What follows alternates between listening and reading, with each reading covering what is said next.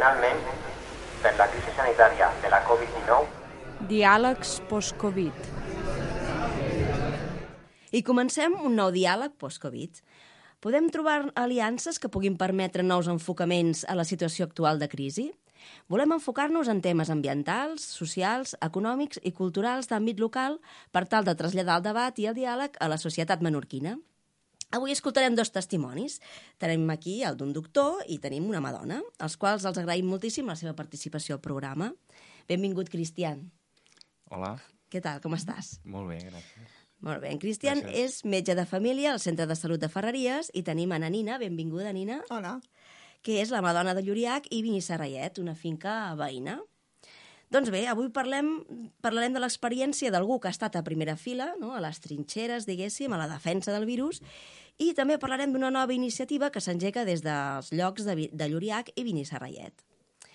Cristian, què fa un, un, un metge de família quan comença a veure totes les notícies ja que comença a Wuhan? Ja es comença a pressentir la cosa o encara es veu molt en fora? La veritat és que ara que has dit aquesta paraula de Wuhan, que em sona ja molt llunyà. Vull dir que, perquè és que aquesta paraula va començar a sortir el mes de gener, no? I realment a partir de l'estat d'alarma de Wuhan ja no en parlem res, vull dir, ja era Madrid, eh, Barcelona, no? Eh, País Basc, hi havia molts casos, i aquí pues, ens preparàvem una miqueta pues, pues, pues, si arribava pues, de fora, perquè aquí no hi havia casos, pues, ens preparàvem una miqueta pues, per, per poder assumir eh, l'atenció a aquestes persones. Molt bé. I tu com ho, viu, com ho vivies des de, des de primera línia? És a dir, uh, s'espera... No sé, quina sensació es tenia per part del personal sanitari? Com vivia tota aquesta situació? Clar, inicialment, quan has dit aquesta paraula de Wuhan, no? que sembla ja molt llunyana, eh, pues ens semblava que era molt llunyà. Pensàvem, bueno, això va passar, està passant a Xina, no? Però, clar, a poc a poc va començar a Itàlia, no? que ja està molt més a la vora. Eh, curiosament, a Ferreries hi havia molta gent que va anar a la convenció de, de, de pell o de sabates, no? que hi havia a Milà. Van tornar, per sort, cap de les persones que, o almenys a Ferreries, que va anar, doncs, va tenir cap símptoma ni res, no? Però sí que cada cop teníem la sensació de que la cosa s'apropava, no? I que bé, estàvem preparats perquè ens havien donat les indicacions pertinents com per preparar centres, eh, fer consultes especials per, per, per gent amb sospita de coronavirus, etc. no? Però sí que mm, la por inicialment va pujar a partir de que Itàlia es va desbordar. No? I que, a més, mm, havia atracat un barco feia una setmana, al mes de febrer, me'n recordo, que ja havien canviat els protocols de, de mm, sospita del coronavirus i de repent sents a les notícies a IB3 pues, que a, acaba d'arribar un barco d'Itàlia amb 8.000 persones i que baixen, no? Llavors aquí comença, una, jo potser la població això no, no ho veia, però sí que des del món sanitari eh, pensàvem, ostres, a Itàlia estan no? com estan Mhm. i de repent baixen aquí 8.000 turistes italians. Llavors, bueno, sí, a poc a poc va anar pujant la por, però després també és veritat que amb el temps, eh, bé, mm, no hi havia casos. Molt bé, Nina, i vosaltres com ho vivíeu? Des del camp, uh, quan comença a sortir tot això per les notícies, vosaltres com, com ho veieu des de casa vostra? Mm, pues jo suposo que bueno, ho vas veure com en por, també, clar, de sortir de lloc tenies com a por d'anar al poble, que sot la veritat, perquè en el, en el camp estem aïllats, i en si, si no venia ningú, estaves segur i tranquil, com aquell que diu. Clar, en el moment que t'havies de moure en el poble, aquí on tenies que hi vaig o no hi vaig. O segueix visquent aquí, i m'ha dat el que tenc i en el poble esperaria anar-hi. Això és el que van fer també, de tots modos, eh? Pràcticament no me van moure. Mm -hmm. Jo no me vaig cuidar moure en dos mesos. Des de que va començar, no me vaig moure fins a principi de maig, no me vaig moure. El meu home en esquinar hi venia un poc més. Si havien de menester alguna cosa, ell era ell qui anava en el poble, però clar, amb mesures, amb precaucions, molt de cuidados, perquè clar, estàvem aïllats. I si nosaltres no teníem de zona de que ens vingués el coronavirus, si no era que el duguessin nosaltres de fora, o si vingués algú però no venia ningú, tampoc. Vull dir que al camp realment estaven totalment aïllats. I vam estar, vull dir, perquè és que no vas tenir visites pràcticament de ningú. És que ni siquiera la meva família, per exemple, no la vaig veure en aquests dos mesos que vaig estar allà, no la vaig veure no tampoc, eh? Sí, sí. No, no, els meus pares ni ningú. L'única que va venir va ser la meva filla, que estaven al poble, té tres filles petitons, té tres nets. I li van dir, tu què feis? Que baixau o no baixau? Perquè anar i venir no podien anar i venir ells ja. I això sí, van venir amb nosaltres. I van estar amb nosaltres, un mes i mig gros. Van bé. amb nosaltres allà baix, també. I mentre es dura aquest temps que esteu allats, què, què passa a Lluriac i Benissagallet? Quina hauran Segueix- pensau? Segueix que segueixi sense vida igual, eh? És que has de pensar que al camp han, sigut, han viscut igual, han tingut que fer la feina igual, han tingut que fer tot igual. En si, com aquell que diu, hi estàs acostumat ja de viure aïllat. I vosaltres fèieu no. formatge, fèieu Sí. formatge i ara heu, heu estrenat un nou producte, no? Ara hem estrenat un nou producte. Ens ho expliques? hem decidit de treure. El Ho hivern, decidit? sí, ho hem decidit, perquè al final estàvem ara en dubte, que si el tram o no el tram, ens ho dir tot això, hem vist que de, gent de turisme en veurà poc enguany, ja ho vam veure també en això, però bueno, ho van decidir, van dir, vam, el traurem per la gent de Menorca. La final, en l'hivern, també serà la gent de Menorca la que haurà de consumir. Exacte. I heu tret En el iogurt artesanal, no? Exactament, totalment artesanal, vull dir, el feim tot a mà i totalment artesà. I el feim en la llet de les nostres vaques, això sí. Perquè hi ha gent que me diu a l'etiqueta poses origen Espanya, dic, vale, dic que però, dic que és perquè me, me fan posar-ho, però la llet és nostra, no és que digui llet d'altre puesto, és de les vaques nostres. O sigui que tot això en hivern es va, es va Sí, vas coent la idea ho i en aquest moment decideixes treure aquest producte. encara que vam tenir tots els coronavirus, que ens va agafar ben dins de zona que ho volien treure, perquè ho volien treure per Pasco, però ja vam veure que en tot això, de so, però van dir, no, no, el traurem igual. Molt Ho bé. van treure. I quin resultat n'heu obtingut? Mm, la veritat és que per la gent de Menorca n'estem bastant contents. Sí, s'ho han agafat. Mm, la veritat és que bastant bé. eh? Sí. Perquè vosaltres teniu botiga casa vostra? Sí, tenc, bé, ja de fa, ja fa 6-7 anys que la tenc, eh, la botigueta posada de formatge artesà, que Mhm. sempre hem fet formatge artesà. I a més a més, eh, repartiu en, en alguns punts de venda, no? Doncs, després ens van decidir amb això que feim, ens ho varigut del coronavirus aquest, del coronavirus, van dir, vinga, vam a provar, amb si la gent se decideix a provar més el iogurt, perquè clar, venien a lloc, no te vindran a comprar-ho en les circumstàncies que estava la gent.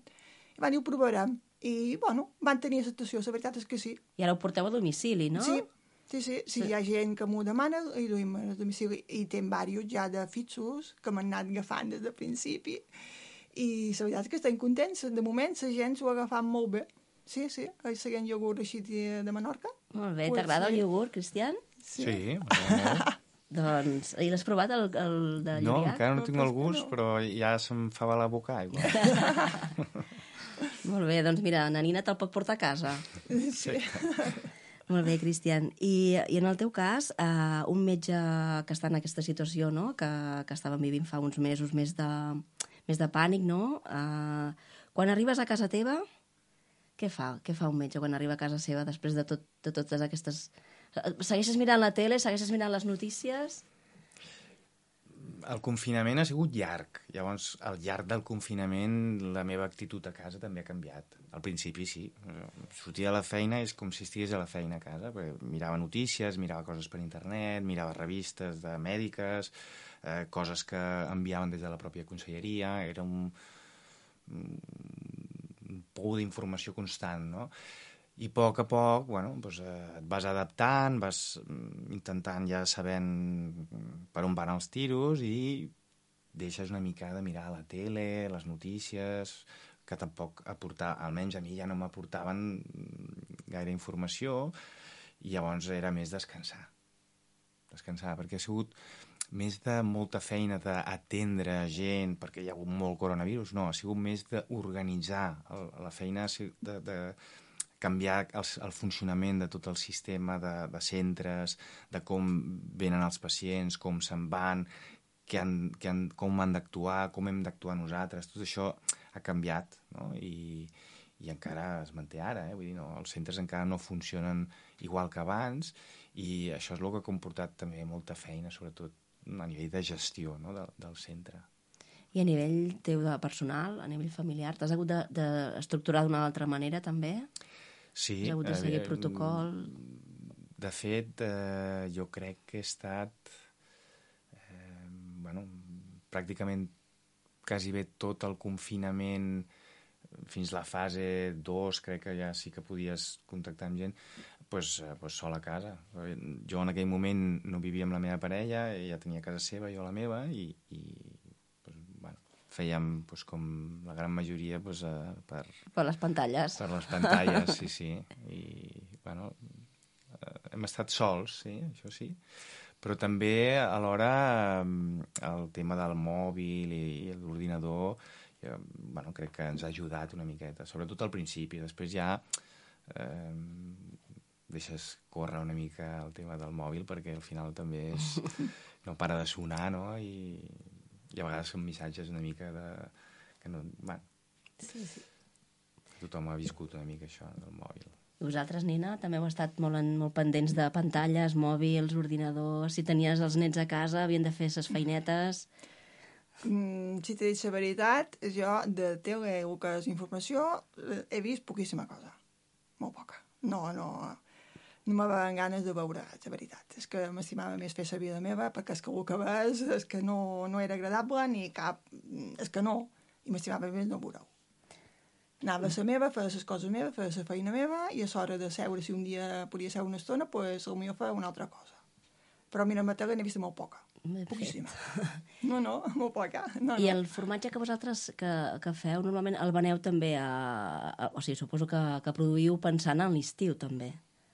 Sí, a veure, nosaltres el que feim és que en l'hivern, tot l'hivern en la primavera, feim formatge tendre que el duim a un madurador. Vale? El venem ja, diguéssim, tendre i aquell el cura, el curador. Uh -huh. I després ell una part la venell en la marca seva, diguéssim, i nosaltres, jo aquí baix, la venc en la marca meva. En si, però en si tot l'hivern feim formatge tendre per vendre a aquesta persona que cura del madurador nosaltres. Vale, així que el producte el tenies més o menys uh, col·locat, diguéssim, no? Sí, perquè aquest hivern sí, perquè m'ho ha anat agafant, m'ho ha anat agafant tot l'hivern. Clar, ara molt bé la temporada d'estiu, clar, tenies unes expectatives que la gent d'estiu, que aquí te té que comprar, perquè, vulguis o no, a Menorca se'n fa molt ja de formatge i molta cosa, i la gent de Menorca no consumeix prou per agafar tot el que feim, tots els pagesos, i la gent d'estiu enguany fallarà és el que tothom veu, saps la realitat, vull dir, tant per nosaltres com per el curador que nosaltres hi duim, com per tots els altres, vull dir, que és que veiem que la temporada mos serà flaca. I és el que mos fa por ara per aquest hivern, que, que jo crec que sols a tothom que li passarà. Exacte, a uns ens fa por que no vingui el turista i als altres ens fa por que Exacte. vingui el turista, no? Exacte. Cristian, tu com ho veus, això? Home, és una preocupació el fet de turista o no turista. Al final Mhm. parlem de, de gent que, que ve a l'illa, mm. pot tenir una casa també, eh? vull dir, no, no té per què ser un turista com a Mhm. un estranger, no? Però sí que és veritat que, donat que aquí no hem tingut una llau de casos, eh, en el futur, si continuen a haver-hi brots a la península o a nivell internacional, doncs si venen cap aquí, doncs, evidentment, pot ser que hi hagin brots, evidentment. Que crec que Menorca està preparat eh, per, per assumir això i sobretot que s'estan fent també unitats específiques per rastrejar els casos en cas de que es detectessin, per aïllar-los i, i, i que no, no s'extengui, no? Que hi ha una preocupació que pugui venir, sí, però bueno, mm, estem a l'espera veure si ens hem de posar un altre cop l'uniforme. Com, com era l'uniforme, com era? L'uniforme, la veritat és que... Bé, no sé si veu eh, veure imatges de l'època de l'Ebola, Sí. que semblaven un astronauta, doncs una mica semblant. Eh? Pues una bata, una doble bata, guants, doble guants, mascareta i eh, unes ulleres eh, com de, de submarinista, no? una mica. I si no, com que no hi ha hagut, a vegades hem tingut problemes de material, doncs una pantalla no? en lloc de les ulleres. I sí, la veritat és que mm, ara a l'estiu, si hem d'atendre persones sospitoses d'això, doncs haurem d'anar amb, amb tota aquesta indumentària, amb la calor que fa, no? I, i, i lo molest, és molest, eh? Portar-ho, treballar amb això és molest. Però bueno, Molt bé. I Clar, al principi eh, estàvem esperant que hi hagués aquesta... que arribés aquest virus no, a Menorca i en realitat eh, hi ha hagut pocs casos detectats, Mm -hmm. no? Um, I es van posar totes les mesures, no? L'hospital es va preparar, es, va, es van preparar hotels, no?, que, van, que actuaven com a, com a hospitals. És a dir, que en qualsevol moment eh, haurem de tornar a, a necessitar tota aquesta infraestructura. La infraestructura, ara, mm, com a mínim, sabem que, que som capaços de tenir-la. No? L'hospital eh, es va adaptar mm, a tenir moltes més eh, molts més espais per ubicar persones amb necessitat de respiradors, per exemple, no? el que se'n diu la UCI, no? i va ten de, de tenir sis llits, crec que tenia, doncs, van passar a poder tenir més d'una quinzena. Um, I això és bo per Menorca, sobretot en aquesta situació. En relació als hotels aquests de, com de mig hospitals, no, no s'han fet ús, finalment, però sabem que podem tenir eh, aquesta eina en el futur. Eh, de totes maneres, jo crec que el que ha passat recentment amb, amb el tema d'epidèmia, que epidèmia vol dir que o sigui, realment s'extén, eh? I si ja parlem de pandèmia és mundial, no? que també és el que ha passat, jo no crec que arribem a, un altre punt semblant. Però sí que hi hauran possiblement brots eh, i que tinguem que tornar a obrir certs espais eh, puntualment, possiblement. No ho Creus sé, que ho controlarem més, no? Ara que, Sí, que es sí, jo crec que sí. Vull dir, també la gent està molt més conscienciada, que aquest és una altra de, de les passants de tot, de tot el que ha passat. Vull dir, sense la col·laboració de la població això no és possible. Vull dir, si la gent no manté les distàncies, si no es neteja les mans, si no eh, du la mascareta, etc., evidentment mm, doncs, s'extén. No? I jo crec que aquí a Menorca, per lo que jo he vist a nivell personal, doncs jo crec que sí que ara estem en una fase ja quasi de normalitat i és diferent, no? Però si tires tres setmanes enrere, o un mes o, o dos mesos, doncs la gent complia. Moltes gràcies, Nina. I els vostres envasos de iogurt són retornables, és així? Sí, sí, sí, sí, hem decidit fer-ho retornable també, per reciclar. A part de reciclar, tu no hagués donar ús, que no haguem de tirar tant d'envasos. Estàvem en dubtes tot d'una, si fer-ho amb vidre o si fer-ho amb envàs de cartó. Però al final van decidir no, no feim amb vidre, que mos és més fàcil fer la feina nosaltres, ja que ho feim tot manual, i farem reciclar, o sigui, que mos el tornin una altra vegada retornables els envasos que donem un pot de cosa per la gent que mos el torna a comprar iogurt i mos tornen els envasos, els hi retornem un pot de cosa i la gent també li ha agradat això. També ha estat una bona idea, la veritat és que la gent també està contenta, hi ha molta gent que col·labora i la veritat és que molta, eh, mos retornen molt, tota la gent moltíssima que en consumeix, així directe, o sigui que ve directament a comprar-nos a nosaltres sobretot, eh? Aquesta sobretot, pràcticament totes mos de tornen els envasos, tots. Aquí és més difícil, clar, si ho tens una botigueta, un puesto d'aquests, aquests mm, ja no, veus que ja no te venen tant. Mm, No sé si perquè la gent després ja no hi torna a anar, ja no ho sé. Però tota la gent que m'ho compra directe o que ve aquí o nosaltres els diduïm, tots m'ho retornen. Molt bé, material uh, reciclable, en canvi, el- tot el material Ah, exacte. hospitalari, això... eh, El material hospitalari, bueno, és curiós perquè inicialment, com que hi havia falta de material, vam buscar moltes maneres de poder reutilitzar les coses, no? I, de fet, ara recentment, clar, és que tot, tot ha sigut molt ràpid, no? però ara comencen a haver estudis on ja confirmen que, per exemple, doncs, eh, esterilitzant les, les mascaretes d'una manera determinada es poden reutilitzar. No infinitament, però sí donar-li diversos usos, eh, amb la qual són bones notícies, perquè hi ha altres materials que no es poden reutilitzar. Si se suposa que estan contaminats, mm -hmm. els has de tirar. Evidentment, Ja, No? clar. Molt bé. Doncs acabem aquest programa parlant de residus i de reciclatge i de productes del camp i de temes de salut de Menorca. Ens queda agrair-vos moltíssim que hàgiu vingut al programa i, i molt bé, ens veiem en el proper Diàleg Post-Covid, un programa d'esfar cultural que és eh, amb la col·laboració del Fons Menorquí de Cooperació. Moltes gràcies per estar aquí, a tots dos. Gràcies a De vosaltres. vosaltres. Radio Far. La ràdio cultural de Menorca.